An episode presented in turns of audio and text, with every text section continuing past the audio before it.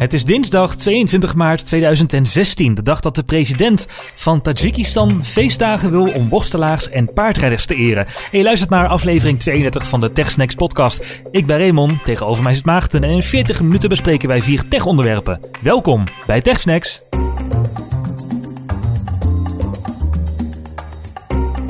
Als dit wetsvoorstel wordt aangenomen, dan zal 22 maart de dag van de worstelaar worden. 23 maart de dag van de paardrijders en 24 maart de dag van de bloemen en planten. En het allemaal in het, in het mooie Tajikistan. Ik vind dat ze het verdiend hebben, Raymond. Drie dagen vrij. Voor de paarden, de worstelaars en de bloemen. Precies. Nee, ja, een uh, nare dag natuurlijk om, uh, om op te nemen. En dan vind ik zo'n initiatief wel iets moois om daar even tegenover te zetten.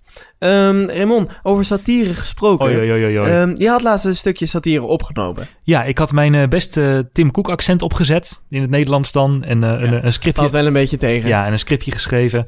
En hoe Tim Cook en Phil Schiller de keynote zouden voorbereiden. Onze luisteraars konden het volgens mij ook niet allemaal waarderen. Maar de meeste wel. Maar ik had het script ook als artikel op OMT gepost. En daar waren de reacties wisselend. Nee, eigenlijk waren er twee soorten reacties van... Wat de fuck is dit? Ik begrijp het niet. Doe mij nou maar gewoon droog nieuws. Tot, oh wat geweldig. En het lees je op andere sites niet. En meer van dit, want dit is ook leuk. En je moet soms kritisch zijn en bla bla. Nou ja. Nou ja, je hebt wat om uh, te oefenen. Hey, um, reacties op de vorige uitzending. Uh, Peter, die heeft gereageerd. En uh, die vertelt dat hij nou, onze discussie over de Amazon Echo heeft gehoord. In de vorige uitzending, aflevering 31. En um, een, een heel betoog noemt hij het over de genialiteit van Google. Nou, wat ik betoogd heb daar, is dat ik Google in potentie zie als een bedrijf wat heel veel kan betekenen in het proactief zijn binnen jouw leven. Ja, door het crushen van de big data. Ja, precies. Google die, die heeft um, toegang tot ontzettend veel big data en kan daar in de toekomst ontzettend veel mee doen. Ik heb gezegd niet dat, dat Google nu op dit moment daar alles uithaalt. Want dat ben ik met Peter eens. Peter zegt namelijk van ja, maar hoe kan het dan dat Google uh, nu weet, uh, niet weet dat de C1000 bij mij om de hoek echt al een jaar gesloten is en dat daar inmiddels een co-op zit? Ja, dat is ook afhankelijk van uh, de bedrijven die dat moeten doorgeven. Maar um, dat, daar, daar is inderdaad nog verbetering. Evenals de, de advertenties, dat had Peter ook aan. Die zegt van ja, dat is allemaal gebaseerd op zoekacties in het verleden. Um, ja, hij zegt, ik heb nog nooit een advertentie gezien van, uh, waarvan hij dacht van, nou, dat is handig. Nou, daar ben ik wel met hem eens. Maar daar heeft Google ook wel een reden voor. Ja, want die advertenties die jij ziet zijn vaak als je in een webshop een product hebt uh, bekeken of naar een product hebt gezocht, dan word je vier weken achtervolgd. Ik ken het zelf ook door dat ene product. Maar dat komt doordat Google het stukje data niet heeft van, oké, deze klant, die persoon heeft dat product nu gekocht. Dat wordt niet teruggekoppeld naar het advertentienetwerk van Google. Van, die persoon heeft dit product nu aangeschaft. Als het wel zou gebeuren namelijk en Google toegang zou hebben tot al jouw uh, aankopen bij alle webshops, dan zou het internet ongeveer in brand staan. Daar moeten we dus inderdaad de keuze gaan maken. Willen we dat soort advertenties niet meer zien en meer data afstaan? Of willen we juist um, daar, want het zal toch wel blijven dat advertenties target gebaseerd zijn. Dus gebaseerd zijn op je zoekresultaten. Maar er moet inderdaad nog wel een koppeling komen of in ieder geval een manier komen waarop uh, ze slimmer worden. Maar als je kijkt naar Google Now, dat is, uh, is proactieve serie ver vooruit. Ja, precies. Want uh, die, die doet ook gebruik maken van je e-mails, van, van je agenda, et cetera. Alles, alles wat jij aan Google-diensten doet, kan daarin worden meegenomen. Moet je toestemming voor geven, maar kan daarin worden meegenomen. En daar kunnen ze nog veel verder in gaan. En dat is mijn mening. Peter Als... vond dat ze nog niet ver genoeg waren. Nee, maar uh, Peter vindt Google daar in die zin schrijft hij Google af. En dat ben ik niet met hem eens. Want ik denk van nou, uh, Google heeft in potentie uh, een hele grote schat in handen, zeg maar. Daar moeten ze, daar moeten ze alleen nog even mee aan de slag. En dat zal wel gebeuren. Um, dus dat is even het puntje uh, Google uh, aangaande Peter. Toen had Bo Peter ook nog gereageerd op een ander punt. Die had namelijk een vraag. Ja, die had gevraagd wat wij nou eigenlijk gebruiken om uh, deze podcast te maken? Nou, eigenlijk niet zoveel. We hebben al twee een Mac. We hebben al twee het programma Audio Hijack. En we hebben een uh, Rode NT-USB-microfoon. En uh, ik doe de eindmontage met het programma Adobe Audition. En we doen wat anders, hè? We doen wat anders dan veel andere podcasts. Want ik zit in, in Amersfoort en jij zit in Rotterdam. En wat we doen is, wij nemen allebei ons audiospoor op. Dus uh, je hebt twee, twee delen van een gesprek. Je hebt een opname waarin uh, mijn ingesproken tekst zit. En je hebt een opname waarin de ingesproken tekst van Raymond zit. En Raymond die plakt die onder elkaar en die snijdt dat zo op elkaar dat het goed aansluit. En dat je weer een normaal gesprek tussen twee personen hebt. En dat maakt dat de audiokwaliteit van ons allebei gelijk is. Dus dat het gewoon prettig luistert. Vaak heb je namelijk bij podcasts zo dat uh, er één iemand alles opneemt. En dus ook de inkomende Skype-verbindingen. Want we gebruiken Skype om met elkaar te praten. Um, maar ook voor niets anders. Als je daar vanuit zou gaan opnemen, dan krijg je namelijk uh, een, een gesprekspartner die eh, met een veel lagere kwaliteit in de podcast, in de podcast zit dan eh, degene die het opneemt. Dus daarom hebben we daarvoor gekozen. En we hebben ook alle twee dezelfde microfoon gekocht. Nou ja, dat verhaal was mi- misschien laat ik het erin, misschien ook niet. Maar aanvankelijk had ik al een USB-microfoon toen we vorig jaar begonnen. Jij nog niet. Jij had een nieuwe gekocht. En toen dacht ik, maar het klinkt zoveel beter. Dit kan echt niet. Dus, Want Ja. de Rode, Rode eh, NT-USB-microfoon, dit is wel leuk om even over te vertellen. USB-microfoons zijn er in alle soorten en maten. Rode is een bedrijf wat professionele audio eh, hardware maakt om, eh, om op te nemen en zo. Hoe heet het? Dit was een van de eerste betere USB-microfoons die zij uitbrachten. Het was net uit toen. Dus ehm, die hebben we gekocht. eh, dat is dus de hardwarekant. Het linkje naar die microfoon, ik zal even kijken wat die nu kost. Rode NT USB, als je die wil kopen, 180 euro bij Bakshop. 189 euro. 189 euro. Weet je, weet je wat een eh, advocaat van Apple kost? Wel 189 euro per half uur, denk dat ik. denk ik ook wel, ja. Daarmee, heb ik met, daarmee snijd ik meteen het eerste onderwerp aan. Want vandaag zou het gebeuren. Er zou een nieuw hoofdstuk geschreven worden in de strijd waar Apple en de FBI in eh, verwikkeld zijn. En eh, iedereen was natuurlijk in spanning. Er zijn honderden pagina's eh, bezwaren heen en weer gegaan. En andere eh, juridische documenten heen en weer gegaan. Tim Cook zei er gisteren nog dit over tijdens het Apple-evenement. We did not expect to be in this position at odds with our own government. But we believe strongly that we have a responsibility to help you protect your data and protect your privacy. We owe it to our customers and we owe it to our country. This is an issue that impacts all of us, and we will not shrink from this responsibility. We hebben geprobeerd hier een discussie over te voeren, hè, vorige eh, opname. Daar zijn we uiteindelijk meer dan 40 minuten eh, mee bezig geweest eh, met de discussie. En ehm, dat was, nou ja, meer dan een, een hel om naar te luisteren. Dus hebben we er lekker uitgelaten en een ander onderwerp voor jullie opgenomen. Van de hele discussie heb jij niets meegekregen als luisteraar. Die hebben we namelijk inderdaad vervangen door een ander onderwerp. Nee. En dat waren de Chromebooks voor het onderwijs. Ja. Dat hebben we jullie bespaard. Ja, Ehm want boekt voor het onderwijs was uiteindelijk leuker. Ja, precies. En we gaan er dit keer niet over discussiëren. Maar er was, eh, vandaag zouden dus eh, Apple en de FBI opnieuw tegen elkaar, eh, tegenover elkaar in de rechtszaal staan. En Apple zou zijn bezwaren bekend gaan maken tegen het helpen van de FBI met het ontgrendelen van die telefoon van die terrorist. Waar ze eigenlijk een iOS-versie moeten maken die een onbeperkt aantal pogingen om het codeslot te kraken toelaat. Want normaal wist een iPhone na tien keer. En vandaag zouden ze dus tegenover elkaar in de rechtszaak staan. En vanochtend werd ik wakker. En ik denk, wat is dit nou? Op verzoek van de FBI is de zaak uitgesteld tot 5 april. En mogelijk is de hele juridische strijd niet meer nodig. Dat eh, liet FBI vanmorgen weten, want die eh lieten in een officieel statement weten dat op zondag 20 maart een derde zich bij ons gemeld heeft met een methode om de iPhone te ontgrendelen. Het testen van deze methode is noodzakelijk om vast te stellen of hierbij geen data is beschadigd. Als de methode werkt, is assistentie van Apple bij het unlocken van een iPhone eh, van eh, de betreffende terrorist Farouk niet langer nodig. Al dus de FBI. Dat was even een opmerkelijke wending. Want die hele rechtszaak gaat natuurlijk over of, of Apple eh, de FBI moet helpen of niet. En Apple wil het niet. Maar als de FBI het nu zelf kan, ja, dan is die hele strijd over die ene iPhone wel overbodig. Hè? Tim Cook heeft het vaak benadrukt. Natuurlijk gaat het niet over één iPhone en gaat het over meerdere iPhones. En dan kun je hele theorieën achter bedenken. Maar wat ik bedacht, wat kan de FBI nou hebben waar ze die iPhone ineens mee kunnen ontgrendelen? Ja, dat is... eh, Dat is toch wel. Want er is maanden heen en weer eh, geprocedeerd en gediscussieerd. En de FBI heeft Apple gesmeekt om te helpen.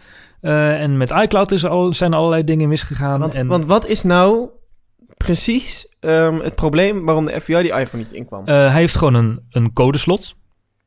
Die iPhone, zoals iedere iPhone. En na tien keer een verkeerde code wordt de iPhone gewist. En wat Apple normaal dan doet. Normaal zegt Apple dan, nou, er is waarschijnlijk wel een recente iCloud backup. Eh, dus die kunnen we dan voor je van de iCloud-servers aftrekken. Maar de laatste iCloud-backup van die telefoon van die terrorist, die was al een paar maanden oud. Dus wat Apple dan voorstelt, is om hem, die iPhone naar een bekend wifi-netwerk te brengen. Hem een nachtje aan de lader te hangen daar.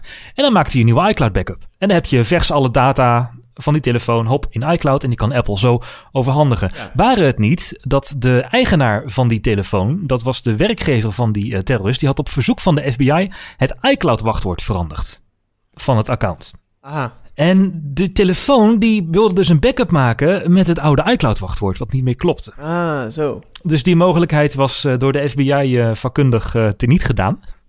Beetje, beetje knullig. Dus moest Apple maar helpen met het maken van een nieuwe Government OS-versie van iOS, die een onbeperkt aantal pogingen van het kraken van het codeslot toe zou laten.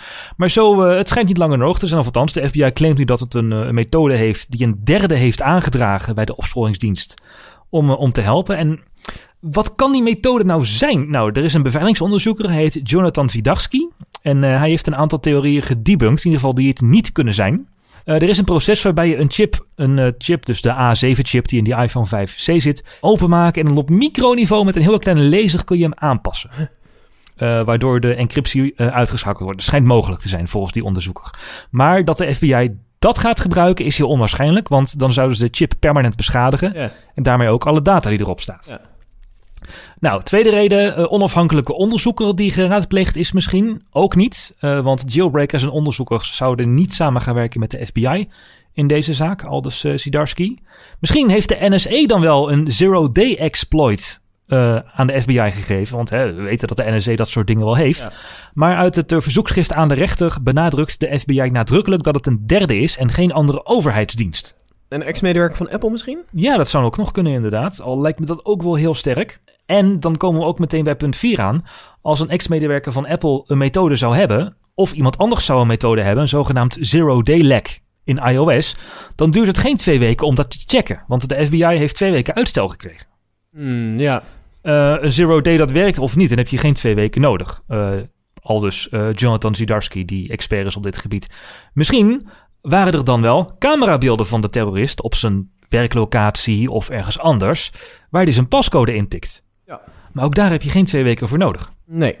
Een supercomputer van de NSA dan, die gewoon alle bestanden even ontgrendelt. Nou, dat gaat jaren duren.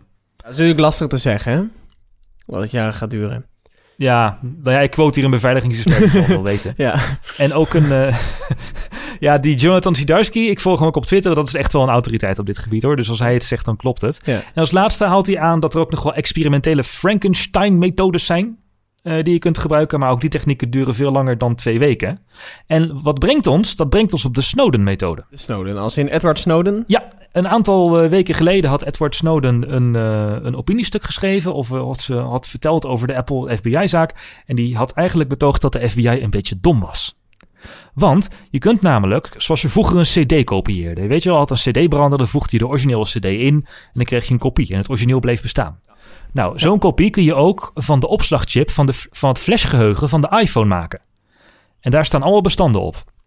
Dus de FBI kan die originele flashchip pakken, daar een kopie van maken, die in een nieuwe iPhone 5C stoppen, de pascode 10 keer proberen. Oh, iPhone wordt, eh, wordt gewist, of eh, de, de, eh, ja, de iPhone wordt gewist tot die ongeldig is. Nou, dan zetten we de kopie ook keer nieuw terug. Ah, oké. En dan gaan we weer 10 pascodes proberen. Weer niet gewist? Oké, dan zetten we de kopie weer opnieuw terug. Weer niet gelukt? Oké. En dit is heel makkelijk. Het, het uitlezen en het herschrijven van flashgeheugen, van die chips. Dat is tegenwoordig, als je daar de juiste apparatuur voor hebt, zo makkelijk als een CD branden en eh, wat solderen. Maar ik wil even benadrukken hoe pijnlijk dit is voor eh, Apple en alle betrokkenen in die zaak. Want er is maanden geprocedeerd. Er zijn miljoenen dollars uitgegeven aan advocaten, honderden eh, legal stukken, documenten, bezwaarschriften, advocaatbrieven heen en weer, steunbetuigingen. Dit is alsof je tegen een topatleet die morgen zijn, de wedstrijd van zijn leven gaat hebben, zegt: Ja, sorry, het gaat morgen toch niet door. Raymond, gisteren was een Apple-event, een keynote. En eh, wij waren allebei in Rotterdam bij de One More Thing. En er is van alles aangekondigd, maar echt een wow-effect had het niet bij dit tussenevenementje.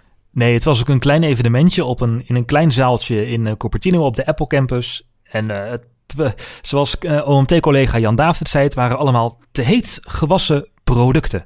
Allemaal een maatje kleiner. Ja, precies. Ja, ehm, inderdaad. Want de grootste aankondigingen, eh, daar gaan we maar meteen, ja, zullen we dat grootste aankondigingen noemen? Ehm, vind ik overigens het minst interessant de iPhone SE. Nou ja, we wisten natuurlijk al even dat hij eraan zat te komen. Een kleinere eh 4-inch iPhone. Eigenlijk gewoon de 5S, als ik het zo zie. Toch?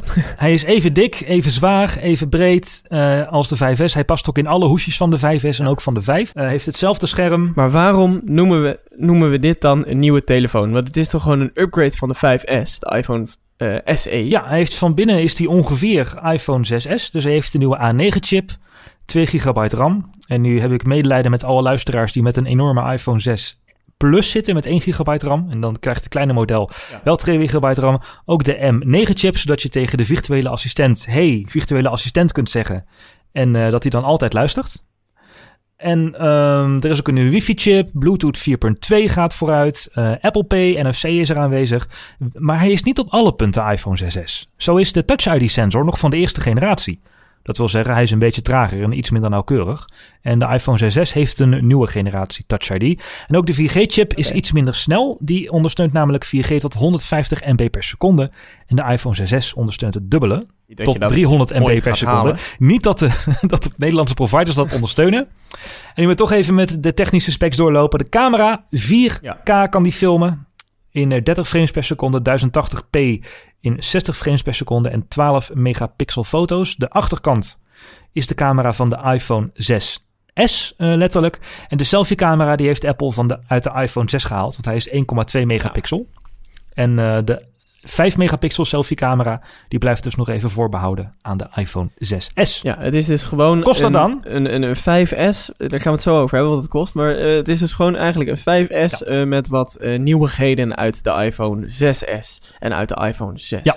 Ehm, even naar die naam, hè, want het is eigenlijk de eerste iPhone ehm, na, de, na de originele iPhone eh, die geen cijfer heeft in de naam. Ja, die geen de nummer iPhone- krijgt. SE. Eh, waar staat die SE eigenlijk voor? Enig idee? Special Edition, Small Edition. Apple heeft het niet. eh, Apple heeft niet de betekenis achter een naam gegeven. Nee. Dus ze hebben niet toegelicht waar die, eh, waar die voor staat. Ze hebben eh, wel toegelicht, en daar hebben we een fragment van, waarom ze hem nou eigenlijk gemaakt hebben. Even naar luisteren.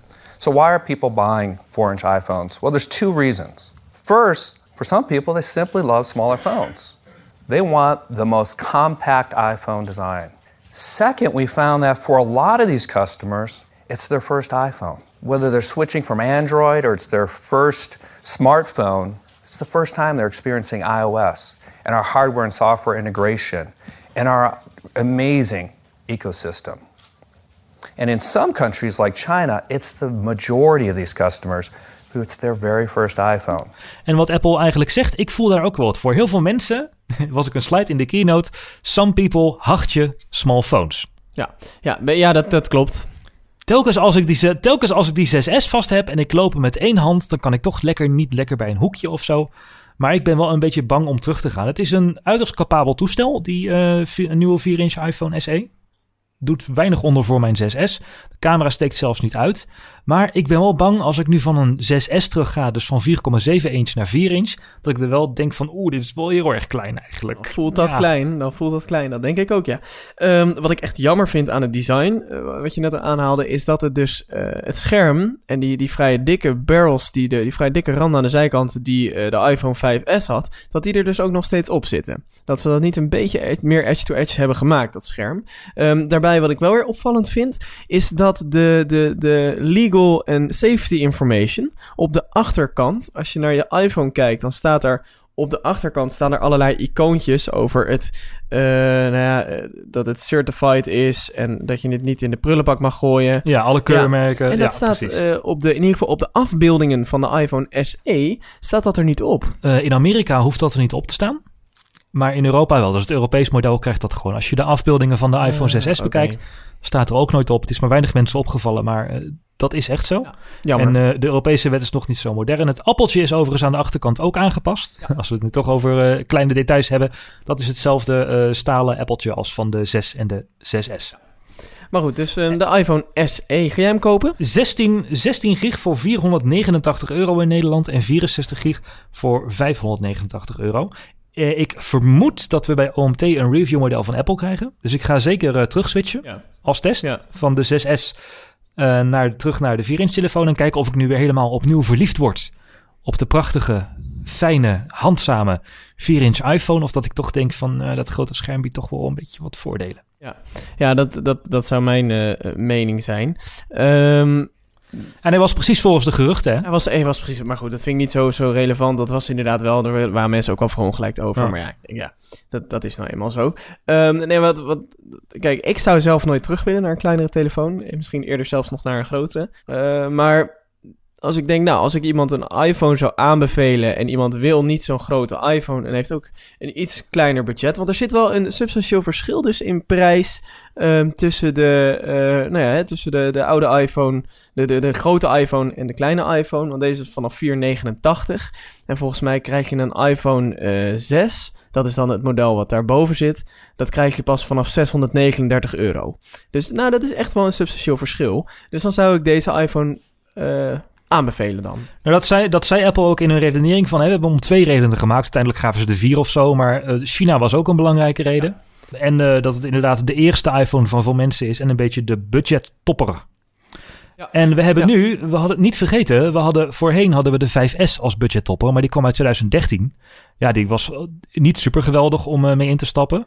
Natuurlijk in het Apple-ecosysteem. En nu hebben ze toch een relatief voordelige telefoon...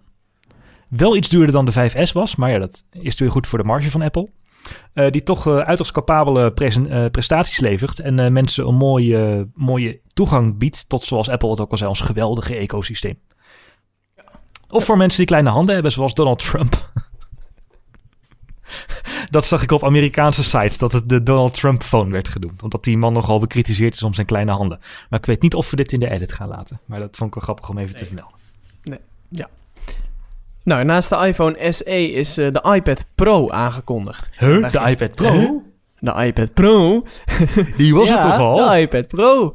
Um, maar dus nu dit is ook een beetje iets raars met die naam. Want Apple heeft nog een iPad Pro aangekondigd, maar dan een 9,7 inch versie. Um, en dat is de opvolger van de iPad Air 2. Um, een iPad Pro, nou ja, heel fancy uh, apparaat. Namelijk precies hetzelfde als de iPad Air. Uh, 2. Um, alleen is hij uh, wat getweakt aan de binnenkant en aan de, ja, klein beetje aan de buitenkant. qua design is hij precies hetzelfde, toch? Hij is niet, niet groter, niet kleiner, niet smaller, niet dunner. de um, camera steekt wel uit aan de buitenkant, dat vond ik opmerkelijk. Ja. Maar dat heeft een hele goede reden. Voor. Het is ook een uh, 12 megapixel camera, net als de iPhone ja. SE moet ik zeggen, en de iPhone 6S. En blijkbaar was de camera belangrijk genoeg. Nu gaan we meteen naar het meest dullige detail, maar ik moet het toch even over hebben. Die 12 megapixel camera was blijkbaar belangrijk genoeg om hem uit te laten steken. En hoe komt dat? Die iPad, die is 9,7 inch, die gaat best wel in je tas mee. In tegenstelling tot de 13 inch, 12,9 inch iPad Pro. Dus ik denk dat Apple ook wel ziet dat mensen hier heel veel foto's mee gaan maken. Ja, dat, dat, ja, dat zien we in Nederland, vinden het toch een beetje raar. Maar um, in China bijvoorbeeld vinden mensen dat helemaal niet gek. En dat is nu ineens een hele grote markt voor Apple. Dus nou ja, uh, een goede camera in de iPad is belangrijk. Um, even kijken. Het scherm is uh, vernieuwd. Ja, daar was ik echt wel uh, heel erg uh, blij mee, zeg maar. Ik ben een iPad-gebruiker in die zin dat ik hem vooral veel gebruik om op de bank wat op te zoeken of uitzending gemist te kijken. Um, nou ja, verder, verder niet heel erg veel. Maar wat, dit vond ik een hele mooie uh, aankondiging. Want er zit een 9,7 inch True Tone scherm in. En True Tone is eigenlijk iets wat we nog niet kennen van Apple. Dat is echt helemaal nieuw.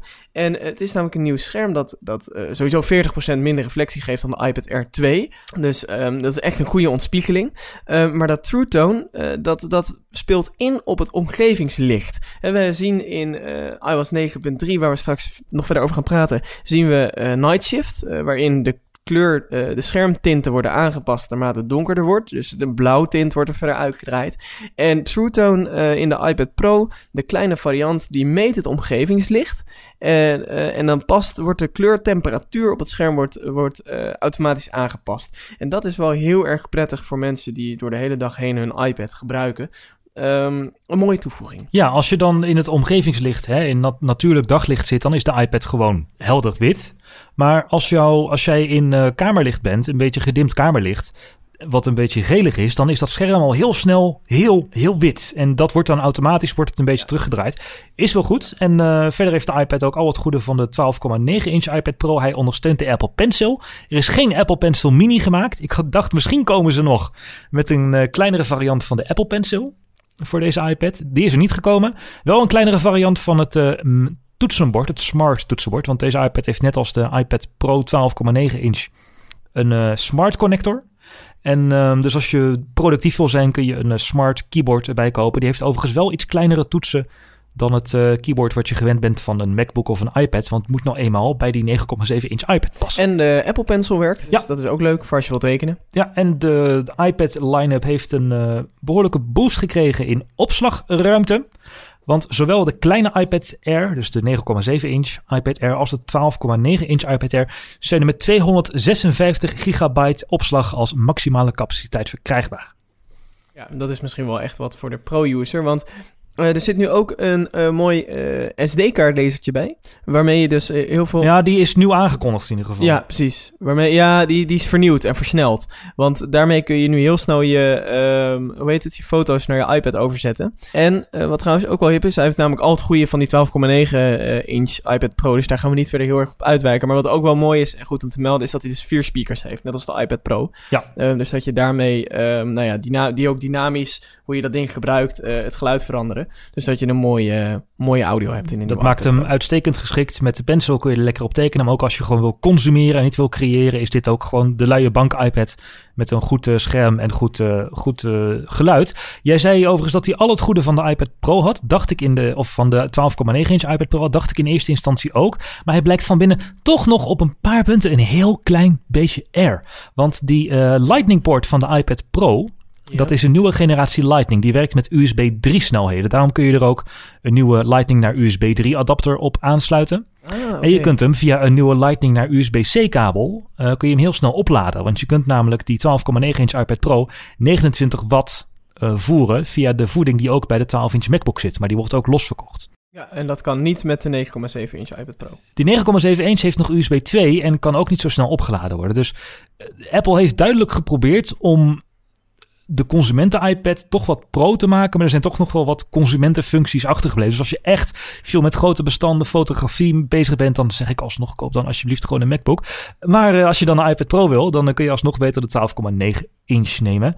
Wat me wel opviel, dat was een uitspraak van Phil Schiller. En Apple kan zich daar moeilijk mee, uh, moeilijk mee inhouden. Tim Cook heeft Windows ook al als dood verklaard.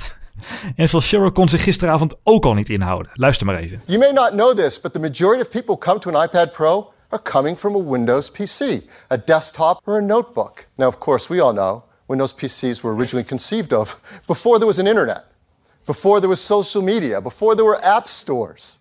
And this is uh, an amazing statistic.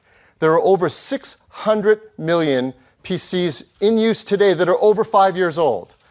This is really sad. it really is. These people, yes, could really really benefit from an iPad Pro.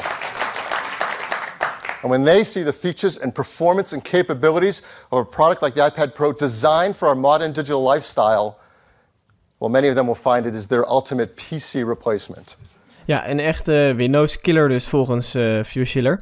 Um, nou, dat gaan we zien. Ik heb daar niet echt een mening over. Ik denk dat... Uh... Nou ja, wat bij Apple willen ze zo graag dat iedereen van die oude laptops afkomt. Die volgens hun mening een, een, slechte ervaring bieden. Wat ze hier eigenlijk weer willen zeggen: het is voor de gewone consument die een beetje Word wil, een beetje wil internetten, soms een mailtje. Is dit heel veel beter dan de Windows PC. Maar ze, ze brengen het telkens zo dat ik denk: moest het nou zo hard? Moet je nou Windows weer doodverklaren? Ja, en zeggen dat het voor gebruikers echt heel naar is dat ze nog steeds op een vijf jaar oude Windows laptop werken. Oh, wat naar. Oh. Heel naar, heel naar. hey, maar de iPad Pro 9,7 inch is in vier kleuren verkrijgbaar, namelijk zilver, specifisch goud en roze goud. En oh, de prijzen in Nederland um, zijn uh, voor 32 gigabyte 689 euro, 128 gigabyte 869 euro en 256 gigabyte gaat die maar liefst 1049 euro kosten. Wil je daar ook nog een simkaartje in kunnen stoppen, dan betaal je voor 32 gig 839 euro, voor 128 gig 1019 euro en voor 256 256 gig 1199 euro. En dacht je dat dat veel was, dan moet je de 256 gigabyte 12,9 inch iPad Pro's zien. Die is namelijk 1429 euro max stout. Dan heb je 256 gig, wifi en cellular. Dus, uh... Daar kun je ook een goede MacBook van kopen. Wat wel opvallend is, is dat alle prijzen in Nederland al op de Nederlandse website staan. Terwijl, deze, terwijl wij niet bij de eerste launch uh, uh, countries horen. Want je zult echt eerst naar Duitsland moeten, wil je een van deze apparaten willen aanschaffen. Ja, de iPad Pro staat op binnenkort. En de iPhone SE, die komt, dus nog goed om te vermelden, op 29 maart starten de pre-orders. En begin april worden die dan uitgeleverd. Maar de iPad Pro 9,7 inch staat nog op binnenkort. Dus wie weet. Nou, dan hebben we de grootste hardware ehm, aankondigingen gehad. En dan even over de overige eh, dingen. Want de, Apple begon de presentatie met nou, dat verhaal van de FBI. Eh, later toen ging het over duurzaamheid. Ehm, dat vindt Apple heel belangrijk. Is natuurlijk ook heel erg van nu. Ehm, Apple wil naar ja, nog meer groene energie. Veel renewable eh, reuse en, en eh, recycling. Hè, dus ze hebben een, eh, een reuse-programma, ze hebben een recycling-programma. Dus ehm, het idee is dat ze daar nog veel meer eh, hun eh, nou ja, eh, milieu, eh, negatieve invloed op het milieu gaan, gaan kaderen. Ehm, daar hebben ze ook een fancy robotje. Dat maakt het natuurlijk allemaal iets eh, tastbaarder voor de Oh. consument.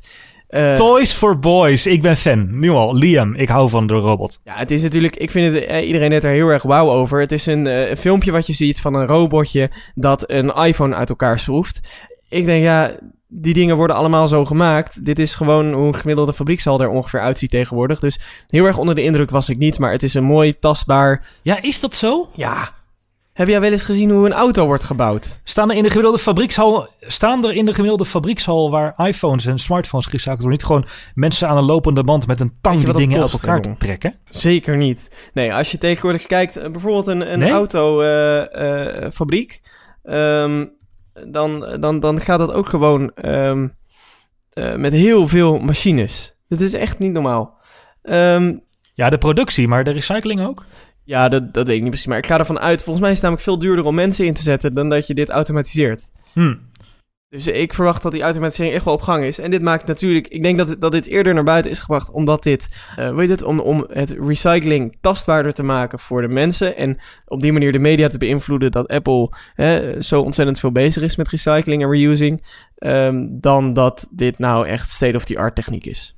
Ja, en zo'n robotje doet het wel lekker. Want iedereen wil wel even lekker dat filmpje embedden op zijn site. En wel even over die coole Precies. robot schrijven. En ja, dit is wel een slimme move. Dat denk ik, dat denk ik vooral. Het is vooral het image wat Apple graag wil afgeven. Ehm, verder ging het over, ehm, eh, en dat vond ik wel interessant, Research Kit. Een eh, framework wat ze eerder hebben aangekondigd voor medisch onderzoek.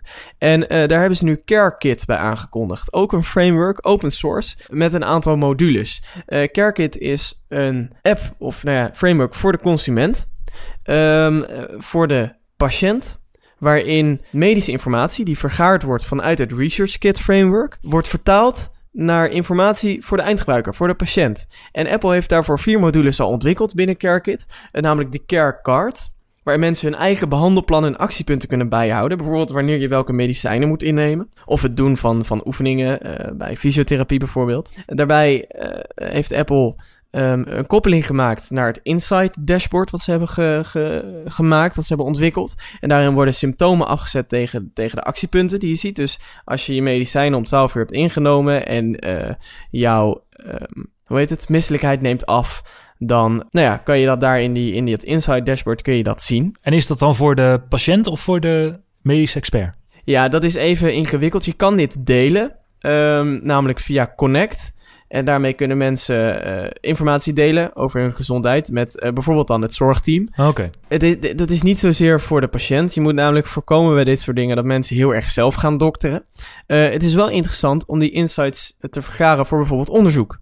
Dus gaan mensen heel veel meer trillen bij het eh, innemen van medicijn X eh, in vergelijking met medicijn Y. Ja. En dat is, nou ja, dat soort dingen is natuurlijk interessant voor mensen om dat ook zelf in te zien. Hè, dat, eh, en dan kunnen ze dat misschien eerder signaleren. Dus, dus als mensen meer trillen, dan kunnen ze dat dus eerder signaleren. En die data kunnen ze dan makkelijk uitwisselen via CareKit met hun, via de module Connect. Ehm, daar kun je eventueel ook familieleden in, in meenemen.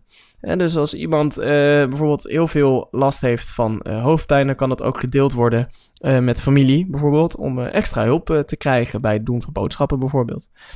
En dus ook in, in het, stukje mantelzorg kan het een rol spelen. Ehm, dus dan hebben we de CareCard, Inside Dashboard Connect en Symptom and Measurement Tracker. En daarmee kunnen mensen eenvoudig symptomen vastleggen of aangeven hoe ze zich voelen. Dus dat is eigenlijk een toegankelijke manier om eh, data in te voeren in het eh, framework CareKit en Research Kit. Eh, dus een mooie vertaling van data. Ik denk dat het ook echt wel een...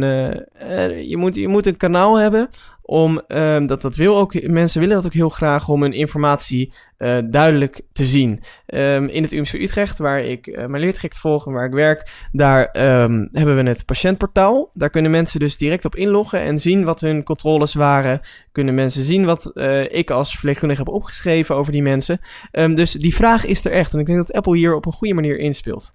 De vraag naar informatie over jezelf op een duidelijke manier, dat is iets wat, waar we echt mee aan het stoeien zijn in de gezondheidszorg over de hele wereld. En ik ben benieuwd wat deze aankondiging van Apple gaat betekenen. Wanneer we dit in Europa gaan zien, uh, dat het echt uh, breed, uh, breed verspreid gaat worden, dat weet ik. In de VS wordt in ieder geval met prestigieuze instituten en ziekenhuizen samengewerkt om dit te testen en het uit te rollen. En zo'n framework moet je eigenlijk zien als een soort van template om een app te maken. Iedere zorginstelling of iedere medische instelling kan met het open source framework, dus met de open source code van Apple, kunnen zij aan de slag om een eigen app te ontwikkelen. En het is een soort, ja, een, een bijna kant-en-klare app voor medische doeleinden met al die modules die zo geïntegreerd kunnen worden. Zo moet je een framework dan technisch even vertalen. Dat was uh, de eerste aankondiging. Um, daarna kwamen we bij de aankondigingen die een stuk meer voor de gemiddelde consument zijn, die geen patiënt is. We begonnen met tvOS 9.2, iOS 9.3 en OS 10.11.4. En ik wil even nog wat over zeggen, namelijk dat ik heb uh, beroepsgewijs, zal ik maar zeggen, alle beta's gevolgd. En er zijn maar liefst zeven beta-versies van iOS 9.3 en OS 10.11.4 geweest. En dat is echt uitzonderlijk, want alleen iOS 7, iOS 5 en iOS 2.0 hadden zoveel beta-versies. En je weet dat er de afgelopen tijd behoorlijk wat kritiek is geweest op de softwarekwaliteit van Apple. En ik denk dat iOS 9.3 en OS 10.11.4 door die hele grote vele beta-versies de beter geteste software is. Ja, dat denk ik ook. Dus dat ze daar wel een, eh, een, eh, een, eh, een lesje uit hebben geleerd. Dat ze veel beta's vrijgeven. En dat behoorlijk testen ook met publieke testers. Nou, ik vind iOS 9.3 wel een, mooie vooruitgang. Maar dat vooral vanwege de functie Night Shift. Waarin dus de blauwtinten in je scherm na zonsondergang uh, worden weggedraaid. Um, je scherm wordt dan iets geliger. Ik ben ook groot fan van Flux, waar we het al vaker over hebben gehad op de Mac. Die doet datzelfde grapje. Um, ik vind het een ideale functie. Het is veel rustiger aan je ogen en uh, is gewoon prettig voor je gebruik van je, van je iDevice in de avond. Ja, iOS 9.3 introduceert natuurlijk ook de grote onderwijsfuncties voor de iPad. Daar gaan we het later over hebben. Um, namelijk met Sander. Ja, mensen die iPads als kiosk inzetten zullen blij zijn om te horen dat ze nu multi-app modus hebben naast single-app modus. De ondersteuning voor externe toetsenborden is verbeterd. De activiteit-app laat nu ook direct dingen van je Apple Watch zien. Vond ik persoonlijk dan heel handig. En het is mogelijk om meerdere Apple Watches te koppelen aan een iPhone. Dat vond ik wel grappig detail. Ja, inderdaad. Dus als je een Apple Watch hebt voor het sporten bijvoorbeeld. Je hebt een Apple Watch die doe je alleen om bij het sporten. Je hebt een Apple Watch die je voor dagelijks classy gebruik hebt. Dan worden die gegevens nu automatisch gecombineerd. Zouden er mensen zijn die echt uh, twee Apple Watches hebben? Nou ja, als de mensen er niet waren. Apple heeft die data waarin ze dus waarschijnlijk zien dat er meerdere mensen twee Apple Watches hebben. Anders maakten ze dit niet. Maar is dat, is dat, werkt het ook op de iPad? Want dat lijkt me veel logischer. Dat je als gezin namelijk een iPad Nee, de Apple Watch kan alleen met een uh, iPhone gekoppeld worden. dat vind ik raar. Maar goed, uh, blijkbaar is er behoefte naar. Wat wel op de iPad en ook op OS 10 werkt, zijn uh, de wachtwoorden voor notities. Je kunt notities nu vergrendelen met een wachtwoord. En als je het binnen iOS houdt, ook met een vingerafdruk met Touch ID. Dus als je een gevoelige notitie hebt die je gezinsleden niet mogen zien, is op iPads bijvoorbeeld die vaak gedeeld worden handig. als je een verjaardagslijstje aan het maken bent voor, voor een gezinslid, dan kun je daar gewoon een wachtwoord op zetten, zodat je gezinslid niet op de iPad zijn hele verjaardag al gespoilerd nou, Mooi. Um... iOS 9.3 was wel wat spannendst en daarna vond ik ja. tvOS uh, ook wel ja, aardig. Niet heel veel grote dingen. Ik wacht nog steeds op Siri in het Nederlands. Wat wel opvallend is, dat, want dictatie is nu ook gekomen naar de Apple TV met uh, tvOS 9.2. Wat ik wel opvallend vind, is dat in de instellingen, in het instellingenmenu van, uh, van uh, de Apple TV, Siri en dictatie gewoon wel helemaal vertaald en alles al klaar staat. Alleen kun je het nog niet aan. Nee, waarschijnlijk moet de Apple server nog even alle Nederlandse vertalingen voor Siri ook echt hebben. En dan kunnen ze het aanzetten. Wat uh, verder in tvOS 9.2 nieuw was, waren een aantal oude functies die terugkeerden. Wat op de Apple TV 3 al mogelijk was, was het aansluiten van een Bluetooth toetsenbord. En er is ook een vergaderruimte weergave. Uh, waarmee je Apple TV tot een soort van uh, dedicated AirPlay scherm met instructies kunt over, overnemen. En iCloud Foto's is eindelijk op de tv beschikbaar. Ik ben er zelf niet zo fan van. Uh, dat mijn hele fotobibliotheek op de Apple TV te zien is. Want als vrienden uh, langskomen en die zouden even de Apple TV pakken, dan uh, kunnen ze mijn hele fotobibliotheek zien. is van mij. Ja. Daar is niks mee te maken. ja, nee, en Apple Maps is nu ook op de Apple TV. Ja, maar niet als losse app. Nee. Ontwikkelaars kunnen een eh, Apple Maps eh, element integreren. En iets waar ik ontzettend blij mee ben, is dat de remote niet meer scrolt voordat je erop getikt hebt. Voordat je erop gedrukt hebt. Ja, inderdaad. Want ik heb ook wel eens dat ik dan per op mijn remote ging eh, even, even langs. En dan zat je meteen helemaal weer aan het begin van je uitzending. Ja, heel irritant. Ja, of dan stopte de video, dan stond je pauze en dan zei hij, oké, waar wil je naartoe? En dan moest je, Ja. kon je wel op menu drukken om het weg te halen. Maar nu is het dus eerst klikken en dan scrollen. scrollen. Dat is heel fijn. En is mapjes. Mapjes voor apps. Ja, zoveel apps heb ik. Ja, zoveel apps heb ik niet op de Apple TV. Maar. Dan gaan we naar het minst spannende. Ja, OS, OS 10.11.4 met ook eh, notities met een wachtwoord. Ja, want als iOS het krijgt. En live foto's in iMessage en AirDrop. En nog allemaal bugfixes die niet interessant zijn. Ja, eh, gewoon noodzakelijke update voor eh, OS 10. Niet veel boeiends. Nou ja, dan zijn we eigenlijk wel door het, eh, door het softwarelijstje heen. Interessante ontwikkelingen wel. Ehm, ik kijk uit naar het volgende Apple-event. Nee, waar we, waar we meer gaan zien. Ga jij iets kopen hiervan? Ehm, we hebben dus eh, niet besproken, maar er zijn ook nieuwe Apple Watch bandjes. En ik moet zeggen, vanmiddag heb ik toch wel een nieuw Apple Watch bandje gekocht. Er, is een, eh, een nylon, er zijn nieuwe nylon bandjes voor de Apple Watch. ja, dat is nog wel interessant om aan te tippen. Want je zegt Apple Watch bandjes hebben ook de Apple Watch Sport in prijs verlaagd. Ja. Ietsjes. 50 euro eraf. Ja, waarom dat nou gedaan is om het misschien iets toegankelijker te maken of zo? Ja, of er komt misschien een nieuw model aan binnenkort. Ja, nou ja, dat moeten we maar zien. Gaan we het later nog een keer over hebben. Want we zijn alweer aan de 40 minuten van deze TechSnacks podcast. En eh, dat is eh, een TechSnacks podcast trouwens die helemaal over Apple ging. Volgende week gaan we weer wat meer diversiteit erin terug laten, eh, terugbrengen. Uiteraard, maar ja, na zo'n event kun je even niet anders. hey, dan rest ons nog Band Sounds te bedanken voor de intro en de outro muziek. En onze sponsor Notedots.nl te bedanken voor de webhosting van onze website en de bandbreedte voor deze uitzending. En jou te bedanken voor het luisteren naar TechSnacks. Heb jij nog een laatste woord, Maarten? Dan zeg ik bij deze tot volgende week. Dan sluit ik mij daarbij aan. Tot volgende week.